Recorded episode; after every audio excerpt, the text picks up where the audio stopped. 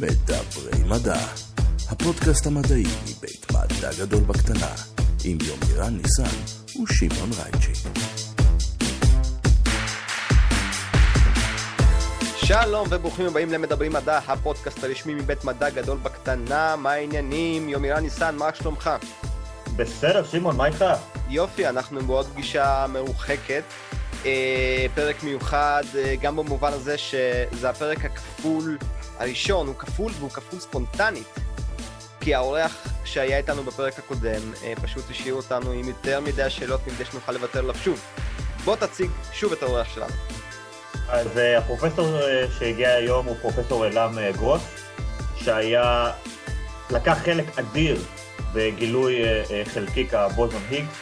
החזרנו אותו פה בהקדם האפשרי, כי פשוט בשאלות שהכנו, אה, לא, לא הספקנו להתקדם מעבר לשאלה השלישית, אז היינו חייבים להביא אותו בהקדם, אה, פשוט כדי שיעלה לנו על כל כך הרבה שאלות פתוחות שנשארו, אה, והחלק באמת הישראלי והזווית הישראלית כל כך חזקה פה, שאי אפשר שלא להשאיר את המאזינים שלנו במתח.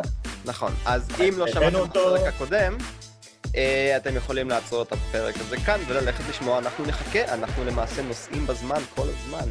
אנחנו נהיה פה כשתחזרו. חזרתם? יופי, זה הזמן להתחיל שוב לדבר מדע. שלום שוב לפרופסור עילם גרוס, מה העניינים? אחלה. טוב שחזרת אלינו, אנחנו מבטיחים ומקיימים. יומירן, מה העניינים? וואלה, בסדר, אתה יודע, אה, עכשיו אה, השתדרגתי, אני לא יודע אם זה שדרוג או לא, מעטלף לג'ירפה. כן. אה, צריך לחשוב כל פעם על רקע כזה מעניין, יש לי הרבה תמונות של חיות. מסקנה מהתמונה של הפרק הקודם, זה צריך להיות משהו שהאורחים אוהבים. נכון, נכון. אתה חושב שאנשים זוכרים את הטלף שלך מלפני שבוע? לך תדע. אנשים אפילו לא רואים את הפודקאסט, הם רק שומעים אותו ברוב המקרים, אז אתה יודע, זה רק בשבילנו. אנחנו בפרק המשך לפרק ששידרנו לפני שבוע, ופשוט השיחה הייתה כל כך מרתקת והספקנו כל כך מעט, שקפצנו על ההזדמנות ופשוט... על נושא כל כך חשוב, בואו גם נגיד את האמת. נכון, חשוב ומעורר השראה ו mind blowing. טוב, אז בתור פרק המשך, אני חושב שכדאי שנתחיל אה, אולי מסקירה קצרה של מה שדיברנו עליו בשבוע שעבר. Uh, הכל סבב סביב uh, אותו מודל סטנדרטי שעליו היינו רוצים אולי להרחיב את הדיבור uh, בפרק הזה. אז uh, בואו ננסה בקצרה uh, להגיד לנו מה זה המודל הסטנדרטי למי שפספס. בואו נקצר. המודל הסטנדרטי זה המודל שמתאר את היקום מבחינת הכוחות והחלקיקים שבו. החלקיקים מתחלקים לשלוש משפחות. משפחה הקלה ביותר שנגישה אלינו, יש בה את האלקטרון, את ה...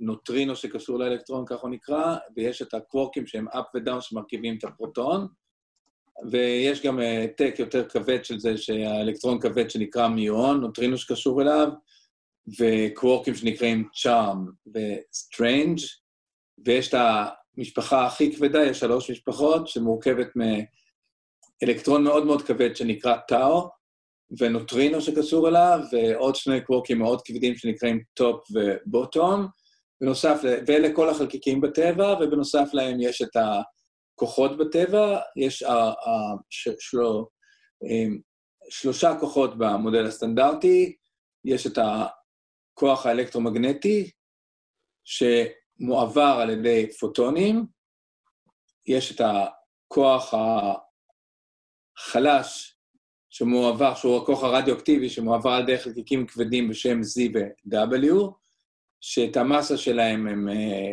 חייבים שיהיה להם כדי שיהיה לו טווח קצר, והם מקבלים אותו מאותו מכניזם של שבירת סימטריה שה-X קשור אליו, מה שאמרנו פעם קודמת, אפשר לחזור על זה פה, ויש את הכוח החזק שמועבר על ידי גלואונים, והוא פועל בין קוורקים. ולמעשה, אפקטיבית הוא פועל בין פרוטון לפרוטון או בין פרוטון לנויטרון. נוסף לכל אלה, מחוץ למודל הסטנדרטי יש את כוח הגרביטציה, שתורת המיתרים מנסה למשל לאחד אותו יחד עם שאר הכוחות.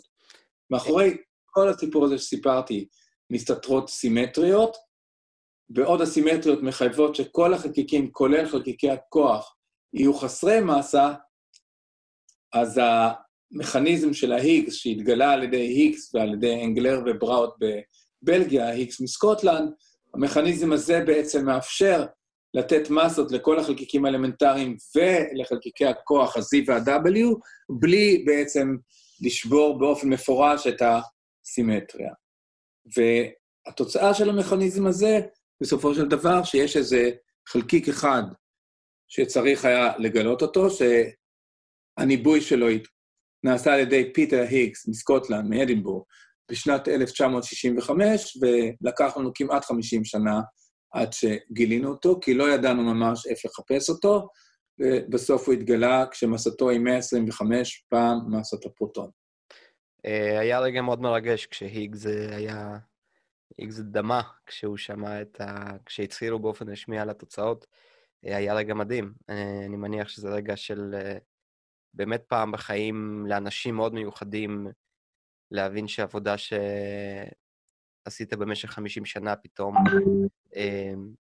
נותנת תוצאות כאלה. כן, אמרתי לך, אבל שהרגע המרגש הזה היה גם לכל האנשים שעבדו עשרות שנים. ללא ספק, ללא ספק. אה, לא, בקנה מידה מאוד גדול, כן, מאמץ אנושי כביר, כשחושבים על כמות המאמץ, אם זה כסף, ואם זה שעות אדם, ואם זה, אתה יודע, כמות המוח האנושי שהושקע לזה, כן. פשוט כן. מטורף.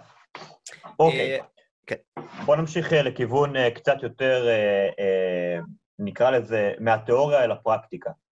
אתם בעצם, אתה בעצם בפרק סיפרת לנו שצמצמתם את המעגל, זאת אומרת, התחלתם מאוקיינוס אדיר, ולאט לאט התחלתם להוציא את המים מהאוקיינוס הזה, גם, מ, נקרא לזה גם מלמטה וגם מלמעלה, לכיוון הטווח שבו חשבתם, טווח המסה, שבו ההיגס נמצא. כן. צמצמתם את הזה, הוצאתם את המים מהבריכה, הוצאתם את המים מהאוקיינוס, הפכתם את האוקיינוס ל, לים, ואז לאגם, ואז לבריכה, ובסוף נשארתם, נקרא לזה, עם אה, אה, נחל קטן, ושם מצאתם אותו. כן, נכון, לחלוטין. עכשיו, אה, מהבחינה של... אה, זה נשמע כמו משהו שהוא אה, אה, הרבה יותר, נקרא לזה, אה, עבודה שחורה, וסינון, אתה יודע, כמו שמסננים זהב מנחל. ברוט פורס.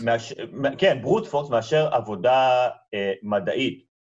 התיאוריה המדעית של, של היגס, אני מבין, אז לא, כן, לא נתנה בעצם את, ה, את הטווח המאוד מאוד קטן שבו כאילו הייתם אמורים אה, למצוא אותו שם? מה בעצם היה, מה בעצם היה חסר במשוואות שלו? של היגס, התיאוריה של היגס לא מנבאת את המסה שלו. Mm-hmm. אז לא היה לנו מושג והוא לא ידע להגיד לנו. אני מבין נכון שהיא מנבאת מנגנון מסוים, נכון? יש פה כמה דברים. יש פה, קודם, יש פה חלקיק ויש מנגנון. המנגנון זה אנגלר, בראוט והיגס, המנגנון. זה השדה, שדה היגס. זה היגס, אוקיי? החלקיק זה היגס, כן, והיגס, והחלקיק, היגס היחיד שהראה גם, אמר גם שצריך להיות אה, איזה חלקיק שם שמסתתר. עכשיו, אה, איפה היינו? אה. למקד, את, למקד את, את האוקיינוס. לא, לא, תראה, זה...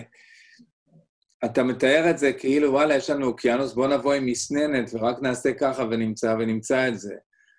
אבל זה לא מדויק, כי אתה, אתה לא יודע איזה מסננת לבוא. אם תבוא עם מסננת עם אה, חורים גדולים מדי, הוא פשוט יחמוק לך, אוקיי? Mm-hmm. תבוא עם, עם מסננת עם uh, חורים קטנים מדי, אז זה ייקח לך אינסוף זמן, ולעולם לא תמצא את זה. כי אתה, כל דבר, אתה תתעכב על כל דבר, הכל, גם על הסיגנל וגם על הבקגראנד. כל הרעיון הוא שיש לך יחס בין סיגנל לבקגראנד שמגיע למספרים אה, עצומים. זה יכול להגיע ל... ל... אה, אלפים, מאה אלף, יחס מסוים, ואתה צריך לדעת לסנן. עכשיו, הכי חשוב, שתבין, ה-Higgs בערך, אה, הכל זה תורת הקוונטי. תורת הקוונטי זו תורה של הסתברויות. כשיש לך התנגשות בין פרוטון לפרוטון, יש לך סיכוי לקבל X. הסיכוי הוא מאוד קטן. אתה מקבל X, אה, הסיכוי לגלות ה-X הוא בערך אחד ל... אני לא זוכר כבר בדיוק, זה כמו היחס בין... אה, אה, אחד לטריליון, אחד ל-10 ב-12. אז תחשוב, כל 10 ב-12 התנגשויות, כל מיליון מיליון התנגשויות תקבל X, אי אפשר. אז כדי שזה יהיה נורמלי, אז אנחנו לא מנגשים X אחד כל שנייה, אה, פרוטון פרוטון אחד בשנייה, אלא אנחנו מנגשים ביליון, ביליון, מיליארד, עשר בתשיעית, mm-hmm. מיליון. כן, כן. ביליון פרוטונים וביליון פרוטונים כל שנייה, וגם אז הסיכוי לקבל X הוא אחת לרבע שעה. וואו. כן. אז עכשיו, אם אתה לא מתכנן את החיפוש שלך כמו תמיד, ואתה מפסיד מאורעות, אתה לא יעיל, אתה לא יכול להרשות לעצמך להפסיד. מהמם. בוא נתמקד שנייה לא במאורעות. סליחה? המאורעות שהזכרת, זה רגע מאוד זה מעניין. הרגע- התנגשות, מורה זה התנגשות. כן, כן, ברור. הרגע, הרגע, ש- הרגע הזה שבו קורה מה שאתה רוצה שיקרה, אבל זה זה לא קורה, זה. לא קורה, זה סטטיסטיקה, לא קורה כלום. רוב הזמן לא קורה כלום, אבל אחד לא, ברבע כל שעה הזמן יש... לא קורה כלום. אתה אוסף data. אתה אוסף data ומנתח אותו. וזה כמו שתחשוב, אמרתי לך, זה- דיברנו על הים הזה, אז אתה. אתה, אתה אוסף data ואתה כאילו מקבל יותר רזולוציה יותר טובה על פני הים. ואתה מחפש bump, איך אומרים bump? אה, גבעה על הים. כן. ככל שיהיה לך רזולוציה יותר טובה וסטטיסטיקה יותר גבוהה, יש לך סיכוי יותר לראות אותה. אז אה, מה שאתה עושה זה אתה, אתה אוסף סטטיסטיקה, ואתה רוצה להיות יעיל בצורה כזאת שאתה לא תזרוק מאורעות שיש בהם X, כי אז אתה הפסדת רבע שעה, אתה מבין? כן. אז אתה, אתה פשוט, כל הזמן אתה משכלל את האלגוריתמים שלך כדי למצוא את ה-X במקסימום יעילות במינימום זמן. ואנחנו לא רואים את ההיגס ישירות, ההיגס עצמו לא מגיע לגלאים, מה שמגיע זה הטרייס שלו. היגס לא מגיע לגלאים בגלל שההיגס עצמו, זמן החיים שלו הוא מאוד קטן, והוא עצמו מתחפש, הוא, הוא מתפרק בדרך כלל לשני חלקיקים אחרים, שאותם אנחנו רואים בגלאים. אבל יש לה, חתימה ייחודית. לחלקיקים האלה יש סיגנטורה מאוד ברורה. כן. מאחר וה-mother particle שלהם, האימא חלקיק שלהם, התוצא, הם באים כתוצאה מאימא היגס, אז uh, יש להם חותמת מאוד מאוד ברורה, ואנחנו יודעים איך לחפש אותם. הבעיה היא שעל כל חלקיק כזה של היגס יכולים להיות עוד אלפים, עשרות אלפים, מאות אלפים של, של uh, סיגנטורות, של סיגנטורות שמאוד מאוד דומות לזה, והן לא היגס. כן. אתה מבין? אז הבעיה היא איך אנחנו מסננים את הסיגנל מתוך ה-background. והנקודה היא שאנחנו לא כל כך יודעים לעשות את זה. אז אנחנו עוסקים בלספור. אנחנו רואים כזה דבר. אם יש לך 100, נניח שיש לך ב- 100 מורות שדומים ל-X, המודל הסטנדרטי אומר, צריכים להיות 100. עכשיו, אתה רואה פתאום, במקום 100, אתה רואה 150. אז אתה אומר, רגע, יש לי 150? לא יכול להיות. הסיכוי שבאופן רנדומלי 100 ייתנו 150 הוא מאוד קטן, למה? חוק המספרים הגדולים אומר לנו שאם אנחנו מצפים ל-100, אז בפלקטואציה סטטיסטית תהיה לנו פלוס מינוס שורש 100. אתם מכירים את זה? כן, כן. אתה ביקשת ממני שהרמה יכולה להיות גבוהה, אז אני מרשה לעצמי. מה העיבול? בבקשה. הרמה היא נהדרת. אנחנו- מרותקים, תמשיך. אני רק רציתי להגיד, תוסיף את אה, mother particle לשמות להקות. אני חושב שזה הרכב היפ-הופ הפעם. כן. היפ-הופ, יאללה, נזרום על זה, כן. mother כן. בבקשה, אילם. אז בקיצור, אז יש לך 100, אז אתה מצפה לראות תוך הסטטיסטיקה 100 פלוס מינוס 10. כלומר, 150 זה... לראות 100, אם אתה מצפה לראות 100, אתה רואה 150, הסיכוי לזה הוא בדיוק ה-10 במינוס 7 שדיברנו עליו קודם, זה החמש סטיות תקן. כן. אז אתה יודע שיש משהו, וזה הדרך שאנחנו מגלים. אנחנו מחפשים פלקטואציות סטטיסטיות שהסיכוי שלהם לקרות מהמודל הסטנדרטי הוא קטן מ-1 ל-10 מיליון. יש לי שאלה אליך, אלעם. אה, יש שני, יש שני גלאים שעוסקים בגילוי ה-Higgs אה, ב-LHC, והם נמצאים בחלקים השונים של הגלאי, והם גילו... את לא אותו- של הגלאי, הם נמצאים בחלקים השונים של של ה... המאיץ. סליחה, של ה... שכחנו לדבר על המאיץ, שכחנו כן. לדבר על המאיץ. המאיץ הוא 20 והם גילו קילומטר. באותו זמן. אה, אני כן, רציתי להבין איך זה קורה. אני רוצה רגע להבהיר משהו שלא לא אמרנו ושכחנו.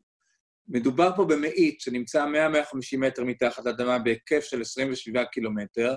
אנחנו מאיצים שם פרוטונים במהירויות קרובות למהירות האור, ואנחנו מנגשים ביניהם בתקווה לייצר את חלקיק ה-X E שווה ל-MC בריבוע. עכשיו, כל, אה, יש, אה, אמרתי, יש ביליון התנגשויות בשנייה, אז יש ביליון פרוטונים אה, שמגיעים דרכי, הרוב לא מתנגש, אחד מתנגש, והשאר ממשיכים ומגיעים הגלאי השני, שנמצא בצד השני של המנהרה המעגלית. כלומר, כשאתה אומר. מיליון פרוטונים בשנייה, זה מיליון פרוטונים שנעים אחד לקראת השני, אבל מתוכם מעט מאוד התנגשו. מעט מאוד נתנגשו, מיליארד פרוטונים. משום שהפרוטון הוא כל כך קטן, שהסיכוי שפרוטון יפגע ראש בראש הוא מאוד מאוד קטן. כן. אז אה, אני, בגלל שהתחלת בעצם לדבר על הגלאי, אז אנחנו, אה, חשוב לציין, אנחנו מדברים בעצם על ה-Large Hadron Collider, המאיץ חלקיקים. לא. ה Large Hadron Collider זה המאיץ. זה מאיץ עצמו. נכון, אנחנו מדברים על המאיץ, אני מדבר על המאיץ. למה זה נקרא Large Hadron Collider? כי hadron זה מילה אחרת לפרוטון.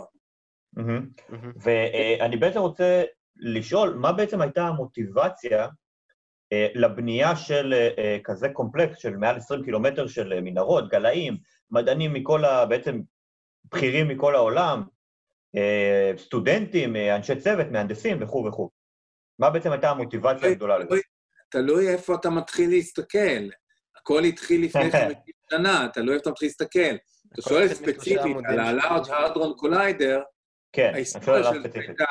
ההיסטוריה של זה הייתה שבסרן כבר פעל לפני כן מאיץ של פרוטונים הרבה יותר קטן, מהמם, קראו אה, הרבה יותר קטן, והוא גילה את ה-W וה-Z, את מהמם. ה-Z, את אותו Z, כן, כן. שהוא ה...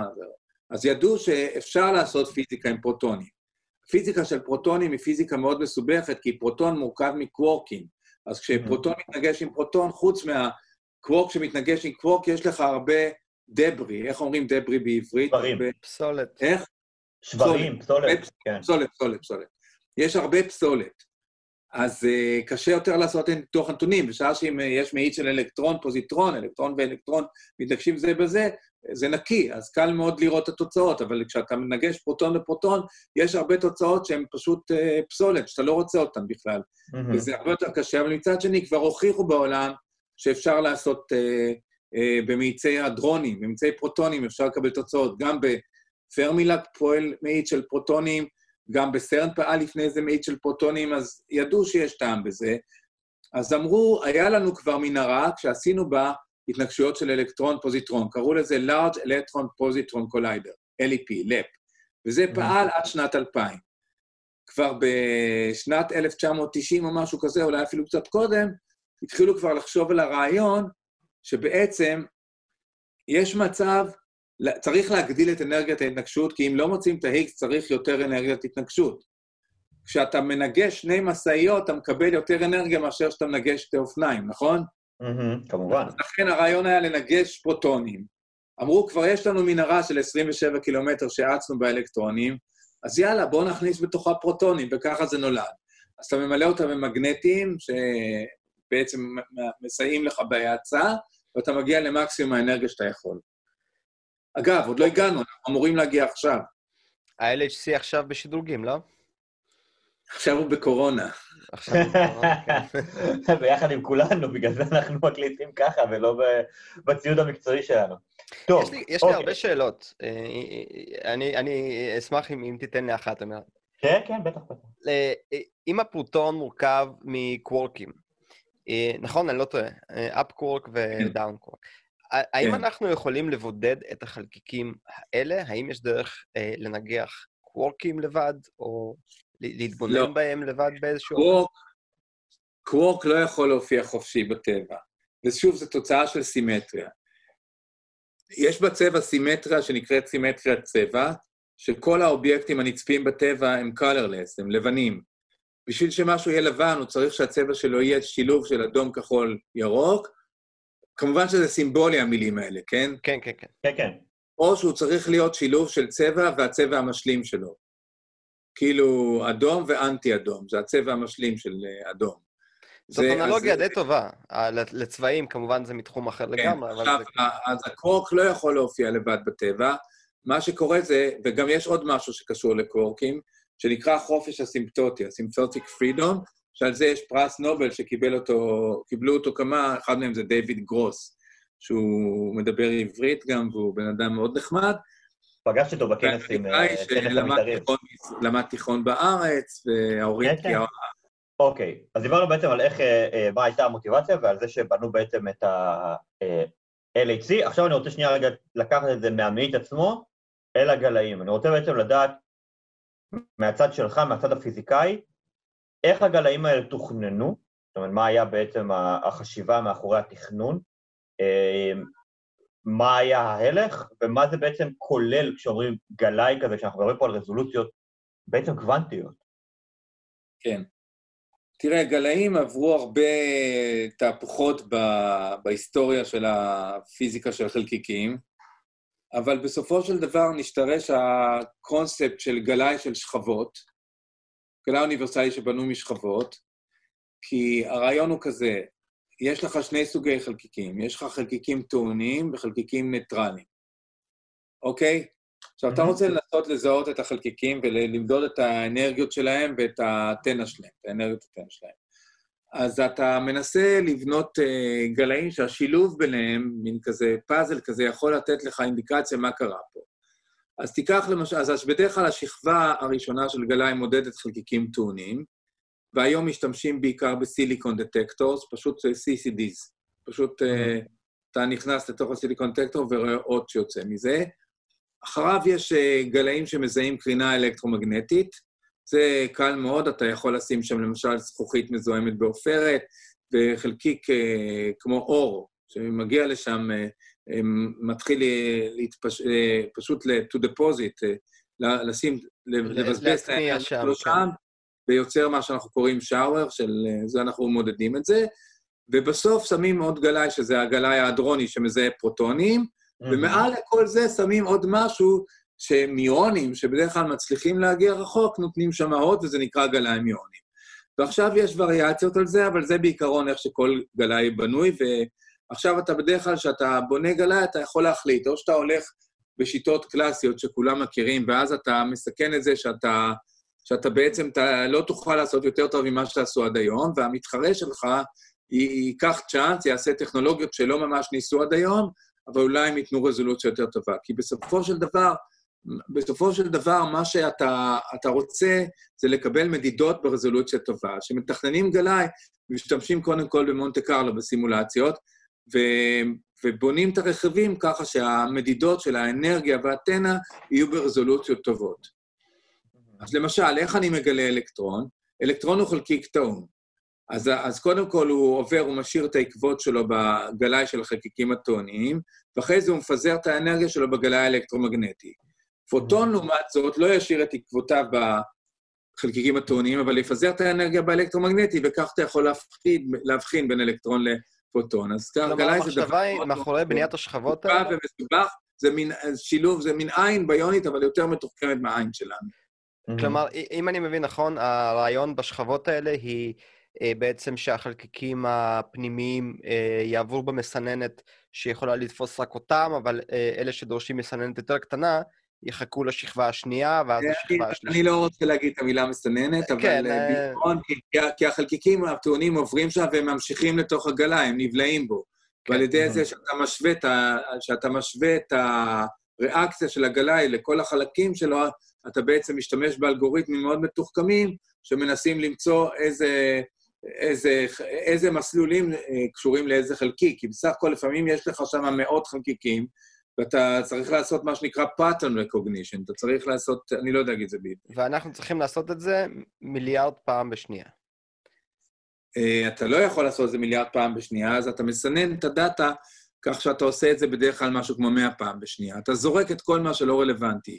יש לנו שיטות מהירויות, שאנחנו קוראים להן טריגר, יש לך שיטות מהירויות שאתה יודע שרוב המאורעות הן בסך הכל פרוטון שמתחכך בגב של פרוטון ונותן רק debris, אז אתה יודע לזהות אותם ואתה זורק אותם מהר, ואחר כך אתה, אתה אחר כך עושה מה שנקרא טריגר, אתה אחר כך מסתכל רק על מאורעות שיש בהם איזה משהו פיזיקלי מעניין. כי אחרת אתה לא יכול לעמוד בזה, אין לך כן. מערכת שיכולה לקרוא כל כך הרבה. וגם אותו טריגר מהיר, במרכאות, זה, זה כוח מאוד, מאוד מסיבי ש, שמנתח כמויות... מאוד מהיר, הוא עובד בתוך 20 ננו שנייה, משהו כזה. מטורף, מטורף. מדהים. 20 ננו שנייה, וואו, מדהים. כן. אוקיי, אז אה, ועל, דיברת בעצם על אה, ארבע שכבות, באיזה שכבה בעצם אנחנו בעצם רוצים שתהיה הפגיעה, נקרא לזה, או כמה שכבות של, שמזהה את ה hit. אני רוצה להבהיר, ה-20 ננו שנייה זה על הסינון הראשוני, כן, לא, כן, לא, כן, לא. אחר כך עושים עוד סינון, זה עוד לא מספיק. אתה בסוף יכול לרשום על, על דיסק או על טייפ או על כן. מה שזה לא יהיה, אתה יכול לרשום בערך 100-200 בשנייה. כלומר, אנחנו לוקחים את ממלאים... הסינון הראשוני ומשתמשים בזמן... לא, לא, לא, הכל עוד. קורה מהר. אתה- אחר כך אתה שם מה שנקרא אה, אה, Shift Registers, אז כן. אתה יכול ככה ליצור לעצמך דיליי, כן. באופן מלאכותי ולנתח. אתה קונה, אתה זמן. לנתח עוד. יש משהו מאוד מעניין בגלאי של, של אטלס, למשל. אני מכיר את האטלס, כן? כן. הגלאי של אטלס בערך יש לו משהו כמו... אה, אה, אה, הוא ענק, כן? הגובה של 50 מטר, אוקיי? קוטר, אוקיי?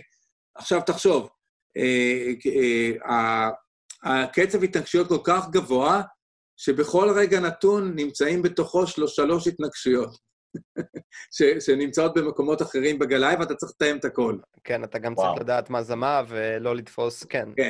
ה- כן, אתה צריך סינכרוניזציה. מה, ש- מה שיפה ב- בשיחה הזאת, אתה יודע, זה לא משנה לאיזו פינה אתה פונה בסיפורים שלך, אה, צצות מיד אלף שאלות, ואתה פשוט מנסה to wrap your, hand, to wrap your head around it, וזה כל, כל חלק הוא יותר ויותר מדהים. אתה באיזשהו שלב גם נהיה קצת פחות רגיש לעובדה שאתה מדבר על המדע המתקדם ביותר שיש, ועל מתמטיקה אה, סופר משוכללת, אתה כבר אומר, בסדר, אוקיי, חלקיקים, איך אתם... תגיע לתכלס, איך אתם מזהים אותם. אבל כל דבר אה, וכל אה, נקודה כאן היא, היא סופר סופר סופר מעניינת. אז בעצם השאלה, ש- היא איזה- שכבה מזהה את ההיגס, את הבוזון היגס? מה צריך לקרות בגלאי כדי שתזהה? כל השכבות, כל השכבות, אתה מחפש לא, לא. אבל אני אגיד לך איך גילינו את ה-X, דווקא זה נורא נחמד. התהליך העיקרי שאיתו גילינו את ה-X היה דווקא תהליך שלא קורה באופן קלאסי, הוא קורה רק באופן קוונטי. זה היה ה-Higgs שדרך אה, לופ וירטואלי, ממש ככה, בדרך, אני אומר בכוונה מילים שאף אחד לא מבין, אבל, אבל זה אמיתי, דרך איזשהו אפקט קוונטי, מתפרק לשני פוטונים, כי ה-X לא נצמד באופן ישיר לפוטונים, כי לפוטונים אין מסה. מהמם. אבל ה-X אה, עושה איזה לופ קוונטי, ובזמן של אי-ודאות הוא מתפרק לשני פוטונים, ואת שני הפוטונים אנחנו רואים. מה הסבירות לאירוע הזה ספציפית? אמרתי, הסבירות לאירוע הזה היא בערך... אה, 10 במינוס 12? זה מה שאמרת? לא, גם, גם ה... לא, אבל. הסבירות להתפרקות הספציפית הזאת של ההיגס. זה הכי נמוך, זה בערך אה, 10 במינוס אה, 4. וזה, וזה. ההתפרקות היחידה שאפשר לגלות בוודאות? נאמר אחד לאלף, שתיים לאלף, אחד לאלף, כן. אחד לאלף מההתפרקויות של ה-X זה מה שייתן. ו- אבל זה הצורה ההתפרקות שגיל- שהכי טוב ל- אבל לגלות? זו הצורה שגילו אותו, למה? למה? איך גילינו זאת דווקא בהתפרקות הכי פחות... אה, בגלל אה, החתימה האופיינית. בגלל החתימה הברורה. כן. שני פוטונים הם מאוד נקיים, הם נותנים כאילו אה, שני כתמים בתוך הגלאי האלקטרומגנטי וזהו. כן. מהמם. זה אתה יכול לראות, זה להגיד, אתה יודע, בוא ניקח אירוע שקורה אחד למספר גדול עם הרבה אפסים, ואחד לעוד כמה מתוך האירועים האלה יש משהו מאוד מאוד ספציפי שאולי נוכל אה, שקורה אחד לאלף. כן, ובואו נבנה גלאי בקוטר של אה, בניין, אה, ונחפור מנהרה ב-27 קילומטר, כן. ונקווה. שלא טעינו בשום, אה, בשום מקום. אבל תחשוב, זה לא ככה. זה מה שאמרת ממש לא ככה, בגלל שקודם כל, הגילוי הראשוני שלו נעשה על ידי המאורעות הנדירים האלה, אבל אחר כך אתה צריך לאשש את זה. נכון. וחוץ מזה, אתה רוצה להראות, אתה רוצה לראות שגילית היגס. אה, אולי, אם אתה רק תסתכל על ה-X שהולך לפוטונים, אז אתה לא תהיה מודע אם ה-X גם מתפרק לאלקטרונים, אם הוא גם מתפרק לקוורקים, ואתה רוצה להוכיח את הכל, זה חלק מהתיאוריה של ה-X. לא, זה, זה, זה, זה מובן, אני אמרתי. את הדברים קצת, אתה יודע, רק בשביל להמחיש את, ה, אה, את ההסתברויות הפסיכיות ובאמת ה- האמון הרב שנתנו המהנדסים. אבל האמון הוא לא, הוא לא אולטימטיבי, כי בשביל זה יש שני גלאים. נכון? בשביל זה יש אטלס ו-CMS. אתה צריך גם להיות מאוד יפה בעיניי, שמדע כל כך, אה, אה, אתה יודע, על הקצה עושים אה, בצורה כזאת שלוקחים בחשבון גם את זה שמישהו יכול לטעות ומישהו יכול לעשות את זה. היו דברים מעולם. היו דברים מעולם. כן, אבל אני חושב שבקטע הזה, בגלל א', החשיבות, בואו, כאילו, הדבר הזה פתח את מהדורות החדשות everywhere אה, כשזה קרה, אה, וגם, והוא ענק עליו אה, אה, נובל, נכון? נכון. להיקס וחבריו. זה היה נובל משותף, לא? אילן. כן, להיקס ואנגלר, בראוט לא היה בחיים. כן. אז והוועדת היה- פרס נובל אה, התלבטה רבות, ולכן, ויצא עשן שמה, אם להעניק את זה גם לסרן או לא, ובסוף החליטו לא לתת את זה לסרן. אי אפשר להעניק פרס נובל בפיזיקה יותר משלושה, זה לא חוק, אבל זה מנהג. יש לכם הרבה מאוד אירועים שעוברים את המסננת. באיזה שלב מגיע הגורם האנושי? כלומר, השלב שבו המחשב אומר, יש לי כאן משהו, שווה לפיזיקאי או לצוות פיזיקאים להסתכל על זה, לנתח את זה, ואם צריך גם להעיר את אה, אלה מהשינה. זה, זה לא תשובה של שנייה. מה שקורה זה שקודם כל... כן, אנחנו פה. אתה עושה סטטיסטיקה, ואתה, בדרך כלל מה שאתה עושה, אתה עושה מה שנקרא אנליזה עיוורת, blind analysis. Mm-hmm. אתה כאילו מסתכל על ה data, אחרי, כל פעם אחרי איזושהי תקופה, בדרך כלל זה חצי שנה, שנה, אחרי תקופה, אתה פותח את הדאטה, אבל באזור של הסיגנל, איפה שאנחנו חושדים שהאיס נמצא, אנחנו לא מסתכלים. אנחנו מסתכלים רק סביב, כדי לראות שאנחנו מבינים את הדאטה, כי יש background של המודל הסטנדרטי שנותן נכון. לנו תחתיות, ואנחנו צריכים לראות שזה מתאים. נכון. רק אחרי שאנחנו בטוח, בטוחים שאנחנו הבנו את ה-background, את הרקע, אז אנחנו מגלים את הלוט מעל האזור של הסיגנל ומסתכלים מה קורה שם. כלומר, כדי לגלות באמפ צריך לדעת מה גובה פני המים. כן, מה גם ההסתכלות אה, נעשית על ידי מחשב, אין דבר שלא נעשה על ידי מחשב, אבל, אבל לפעמים, לפעמים אתה מרגיש קצת לא בטוח, כי אנחנו מתעסקים עם מאורעות נדירים, אז אתה ממש ניגש לתוך המאורעות אחד-אחד ומסתכל איך הם נראים, וזה ממש צילומים, כי אתה מצלם בעצם כן, את התקשורת. אתה מצלם אותה באמצעות הגלאי בעצם, זה לא גלאי רק של פוטונים, זה גלאי יותר מתוחכם, אבל זה נותן בסוף צילומים. ואתה מסתכל ועוקב ורואה שהדברים עושים היגיון. ואנשים נמצאים שם כל הזמן, אבל, ה... יש, אבל יש שלבים, יש שלב של ההסתכלות על ה data blind, אחרי זה פותחים את ה data, וגם אחרי שפותחים את ה data רואים אם זה מתאים, וליתר ביטחון תמיד uh, עושים איזו סקירה של uh, כמה מאורעות כדי לראות שאתה באמת מבין מה קורה שם. אוקיי, okay, ובאיזה שלב בעצם אה, אה, מצלצלים אליך, ב, אמרת בחמש לפנות בוקר, ואומרים, רוצה לראות את ההיגס. מה, מה בעצם ה... הם, מה אה, בעצם הסף שחצו? למה, למה היינו באותו לילה באלרט וידענו שהוא יבוא משהו? כי, כי יום לפני זה אנחנו פתחנו את הדאטה והתחלנו להסתכל עליו, והמון חבר'ה התחילו לעשות עליו אנליזה. אנליזה זה להפעיל כל מיני אה, אלגוריתמים שמנסים אה, לדלות את הסיגנל מהבקראונד. אז ידענו שפתחו את הדאטה, וידענו כמה לוקח בדרך כלל לעשות אנליזה, וזה היה סביר שבאותו לילה אנחנו נשמע משהו. זה קרה קצת יותר מאוחר ממה שחשבנו, אבל זה קרה באותו לילה, זה קרה באמצע הלילה, אבל ידענו שזה הולך לקרות, כי אנשים הסתכלו על הדאטה. Mm-hmm. ברגע, מאחר, ומאחר וכבר לא נשאר איפה לחפש אותו, זה, זה הדבר החשוב. כבר את כל הים כיסינו, נשארה רק בריכה קטנטונת, ידענו שאו שהוא שם או שהוא איננו. אוקיי, ועכשיו נשאלת השאלה... ולכן אנחנו היינו במתח. ועכשיו נשאלת השאלה באמת אה, החשובה. מה אם לא בעצם, היית, הייתם מצמצמים ומהבריכה הזאת לא היה נשאר כלום, ומה הייתה החשיבה שלכם אם חלילה, כן, אני אומר חלילה כי זה תגלית מדהימה בפני עצמה, לא, לא הייתם מצליחים לסנן החוצה את החלקיק הזה. זאת אומרת, אה, הייתם מצמצמים, מצמצמים, מצמצמים, עושים את כל הניסיונות שאתם חושבים שצריך לעשות, ואין.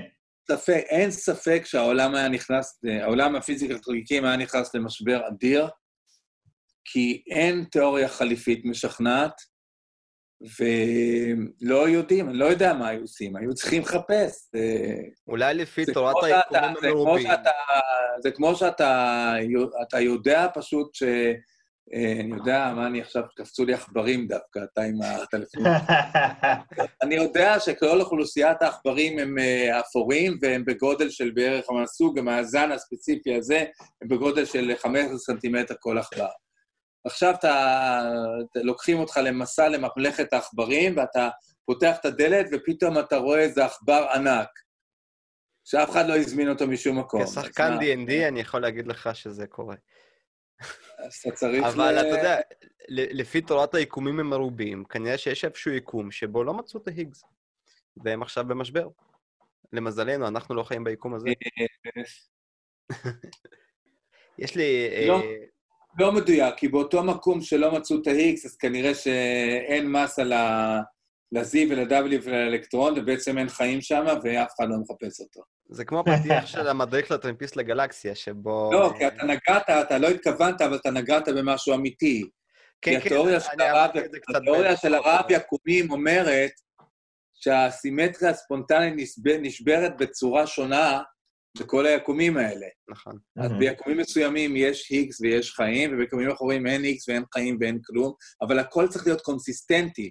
זה לא שחוקי הפיזיקה לא מתקיימים באיזה יקום, הם מתקיימים בכולם, אבל בכל מקום הם מתקיימים אחרת, וביקומים שהם מתקיימים כך שהם לא מאפשרים חיים, אז אין חיים, ואז אתה לא שואל גם את השאלות. כן, אה, זה נושא שראוי לפרק משלו.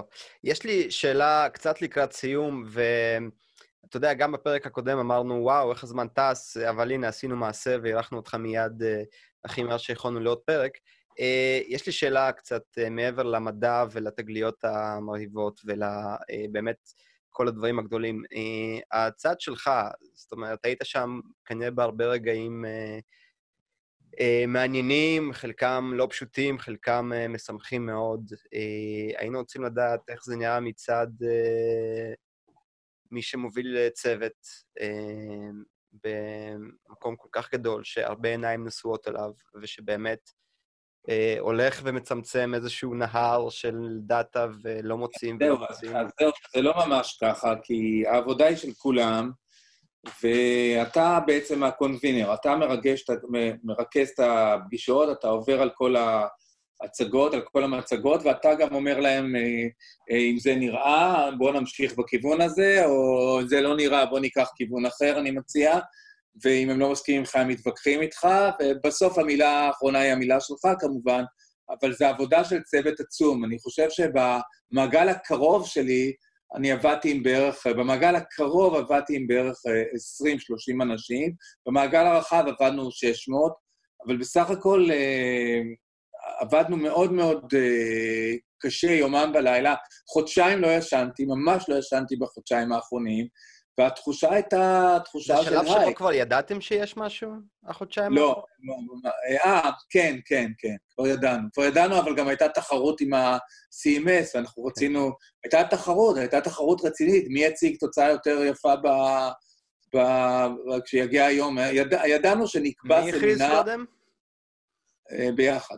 ביחד? ידענו שנקבע סמינר לרביעי ביולי, ידענו שנקבע סמינר, אבל uh, uh, כל אחד רצה להציג תוצאה יותר טובה בסמינר, אבל לא במחיר של, uh, של ליטוש התוצאות, במחיר של תוצאות אמיתיות. אז בשביל זה לא ישנו יומם ולילה, עברנו אחד מול השני במסדרונות עם חיוכים uh, צופני סוד, אבל uh, אף אחד לא אמר כלום. ואני אישית, זה היה, אני חושב, ה-peak המקצועי של החיים שלי. אני במשך 25 שנה עבדתי על החיפוש של ה-Higgs, והייתי מנהל של החיפוש של ה-Higgs בניסיון של ה-Electron-Positron Collider ב- בשנת 1990, ו... לא זוכר כמה זה היה 98 או משהו, ועכשיו ב-2012 עוד פעם עשיתי את זה, והפעם את הדבר האמיתי, והפעם זה התגלה. מבחינתי, אני לא יכולתי לצפות יותר מזה, למעשה, הגעתי ליותר ממה שאני חלמתי, אז מה יכולתי עוד? זה די היה- מדהים. יש לי גם אה, שאלה נוספת, אה, אולי טיפה אה, תיאורטית מתמטית. מה בעצם המקור של ההיגס? דיברת על זה שההיגס הוא המקור לאחרים. אז מה המקור שלו? זאת אומרת, איך ומתי הוא נוצר? אני מניח שהוא נוצר מאוד קרוב למפץ הגדול. ה-X נוצר כתוצאה מהשבירת סימטריה הספונטנית. יש לה, בוא נגיד, ליקום הייתה, אני עכשיו, זה מאוד נאיבי מה שאני אומר עכשיו, כי אחרת... כן, כן, הכל... עדי הרמוני כתב על זה במדע גדול בקטנה מאמר, אבל אה, גם אצלו זה מאוד מפושט, כי קשה מאוד להסביר את זה. אז אה, מה שקורה זה שליקום הייתה, בוא נגיד, אה, סימטריה של כובע מקסיקני, לכובע מקסיקני יש סימטריה, נכון? יש כן, לו כן, טיפולים עגוליים, ויש לו כזה פיק במרכז, נכון? נכון. עכשיו תחשוב שזה מתאר את האנרגיה הפוטנציאלית של היקום. מהמם. אוקיי? מה- whatever it means, לא משנה מה זה אומר. זה. עכשיו, תחשוב שהיקום נמצא בטופ של הכובע הזה, שהוא מאוד מאוד חם. כן. עכשיו, כשאתה מסתכל מסביב, אתה רואה שהכל סימטרי. זה לא משנה איפה אתה נמצא, הכל סימטרי. עכשיו Mhm. היקום מתקרר, והיקום רוצה למצוא את עצמי במצב של אנרגיה יותר נמוך, כי ברגע שהוא מתקרר הוא יורד את האנרגיה, והוא מתגלץ לשיפולי הכובע לאיזשהו מקום על ההיקף.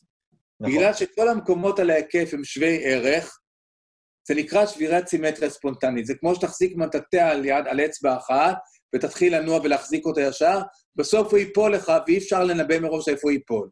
זה שבירת סימטריה ספונטנית. עכשיו, כן. חוקי הפיזיקה, חוקי הפיזיקה לא השתנו, אבל מצב המינימום שלך פתאום נמצא על השיפולים, ואתה. פתאום לא רואה מסביב לך סימטריה. תוצר לוואי של זה מתמטית הוא ה-Higgs בוזון. אוי, מגניב, אדיר. האמת, זה, אני חושב שזה ההסבר הטוב ביותר ששמעתי לדבר הזה. אמ, אני רוצה ברשותך לשאול אה, כמה באמת, אה, באמת אה, שאלה לסיום. איפה פיזיקת החלקיקים עומדת היום, ומה בעצם ה... הכיווני המשך ש... שאתה מתעסק בהם ב... במחקר הנוכחי שלך כחבר סגל במכון ויצמן? כן. טוב, זה שתי שאלות. כן, שתי שאלות. כן. פיזיקת החלקיקים עומדת היום בסוג של משבר, אפשר לומר, באיזשהו מקום, כי יש לנו אינדיקציות שהמודל הסטנדרטי הוא לא מושלם, ויש אינדיקציות שצריכה להיות פיזיקה של חלקיקים יותר כבדים. זאת אומרת שיש עוד ים שלם של חלקיקים שלא ראינו. בפרט יש תיאוריה שנקראת סופרסימטריה, שטוענת שצריך להיות העתק של המודל הסטנדרטי, ובגלל שלא גילינו עדיין, ואני כבר הסברתי את זה, אם לא מגלים סימן של חלקיקים יותר כבדים, אז ההעתק הזה הוא לא מושלם, אלא החלקיקים טיפה יותר כבדים. הבעיה היא שאנחנו לא מוצאים אותם, ולכן אנחנו קצת במשבר, כי אנחנו חושבים שכבר היינו צריכים למצוא אותם. אבל אנחנו די ממצים איפה שאנחנו נמצאים, ואנחנו רוצים עכשיו לבנות מיצים חדשים שיוכלו להגיע לאנרגיות יותר גבוהות, וגם יוכלו למדוד את ה-Higgs יותר במדויק, כי לפעמים אתה זוכר, קודם דיברתי על זה שההיקס אחר כך מת, דועך, דרך אפקטים קוונטיים. Mm-hmm, אם מודדים כן. במדויק את האפקטים הקוונטיים האלה, אפשר לקבל מושג אם יש פיזיקה חדשה או אין, ואם יש איזה סוג של פיזיקה חדשה. אפשר לעשות את זה אם עושים את זה.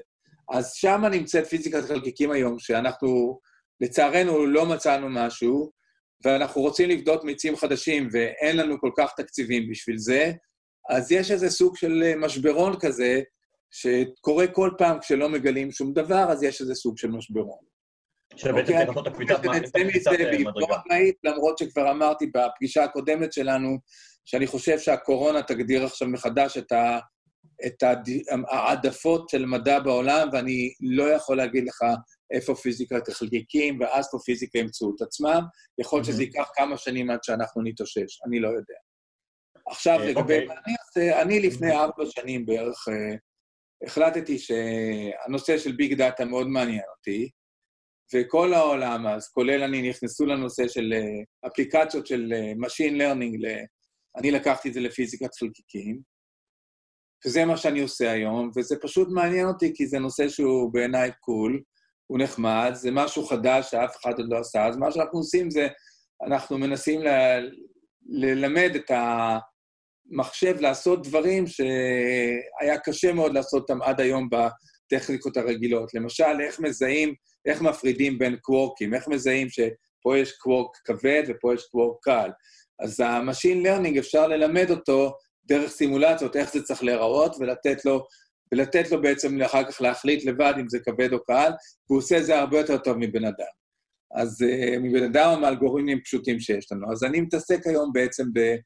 אפליקציות של Machine Learning לפיזיקת חלקיקים, ואני מאוד נהנה, כי זה פותח לי עולם שלא הכרתי קודם ומספק את הסקרנות. בסך הכל מדע זה סיפוק סקרנות, זה כל מה שזה. נכון, בשביל זה גם אנחנו כאן. Uh, תשמע, אתה, uh, כמו שאמרת, כן, עתיד ה... לפחות העתיד הקרוב של, ה... של סוג המחקר הזה uh, כרגע לא כל כך uh, ברור, אבל אנחנו כאן, אני חושב שהסקרנות לא הולכת לשום מקום. התקציבים, אולי עניין של זמן, אבל הם יגיעו בינתיים. אה, אנחנו נעשה מה שאפשר כדי להנגיש אה, את הידע ואת המדע שמאחוריו אה, אליכם. אנחנו כאן בשביל זה. פרופסור עינם גרוס, תודה רבה על פרק שני.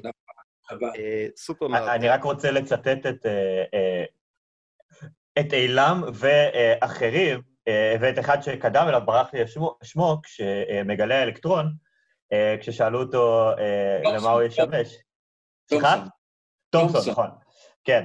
אה, כששאלו אותו למה אה, ישמש אה, גילוי האלקטרון, אז אה, הוא הרים את הכוס שלו ואמר, to the useless אה, electron, אה, ומשפט המשך שלו אמר, אה, אני לא יודע מה השימוש הנוכחי של זה, אבל בעתיד כנראה שנמסה אותו.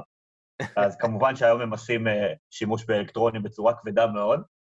אתה קצת אה, ערבבת את המשפט על ה... טיפה, טיפה. זה היה של פארדיי על המצאת המנוע החשמלי, שראש נכון. אמר לו, זה נחמד נכון. מה עושים זה. הוא אומר לו, כרגע אני לא יכול להגיד לך, אבל אני משוכנע שאתה עוד, אתה בתקופתך תגבה על זה מיסים. נכון, נכון, נכון, נכון, קצת ערבבתי, אבל אה, אה, מסין אני לא. בטוח שבזמן הקרוב נקנה דברים, אבל... כן, אבל בהחלט... זה לא היה אה, בתקופת הדבר. זו הייתה, זו הייתה, א', זו היה, אה, זו הפעם הראשונה שאנחנו עושים דבר כזה של אה, הקלטת פרק כפול, כי הנושא הוא כל כך גדול וכל כך מורכב וכל כך, אה, ולראיין דמות שעמדה באמת בלב ליבו של אחת התגליות המדעיות הגדולות ביותר של המאה ה-21, כמובן שהיא בעקבות, התח- התחילה במאה ה-20, אבל אחת התגליות הגדולות במאה ה-21 לפי דעתי, וגם העובדה שיש לנו זווית ישראלית שמאפשרת לנו להביא את זה ל- לציבור הישראלי, זה באופן אישי מאוד הרבה מרגש. רספקט, הרבה הרבה כבוד. הרבה מאוד כבוד למדע הישראלי, הרבה מאוד כבוד ל- למחקר האנושי בכללי. אה, אילם, תודה ענקית שהגעת אלינו פעמיים. אנחנו נביא אותך פעמים נוספות, אבל זה באמת היה ה- הדבר שרצינו לעשות אה, חודשים רבים. כן. ותודה רבה לכם המאזינים, אנחנו מקווים שאתם שומרים על ההנחיות, שומרים על עצמכם, בתקווה שבמהרה נחזור לעשות פרקים אה, אחד ליד השני. אני מתגעגע ליומירן, אין מה לעשות. אתה מתגעגע אה, לקפה שלי, בוא נגיד את אני האמת. מתגעגע לקפה שלך, אתה יודע להכין אותו בול כמו שאני אוהב. אה, בנימה זו, באמת, מכונה? מכונה? אתה עושה אותי עם מכונה? לא, מה אוי, פתאום, איזה קפה- בן אדם של של קפה- שחור, קפה ערבי. אה. שחור, אוי, אני לא מאמין שאתה מתגעגע לקפה שחור. אוי לא. לשחור של יומירן. אני גם בבית, אה, זה... אתה בבית. יש לי מכונה, יש לי גם כוס של נאסא. כן, כן, גם- אה, בבית לי יש נספרסו, אבל אנחנו במעבדה, אנחנו קוראנים. אנחנו נשתמע איתכם אה, בעוד שבוע, בעוד פרק של מדברים מדע, הפודקאסט הרשמי מבית מדע גדול בקטנה. כתבו לנו, תהיו בקשר, תשמרו על עצמכם. תודה רבה לכולם, יאללה ביי. ביי ביי.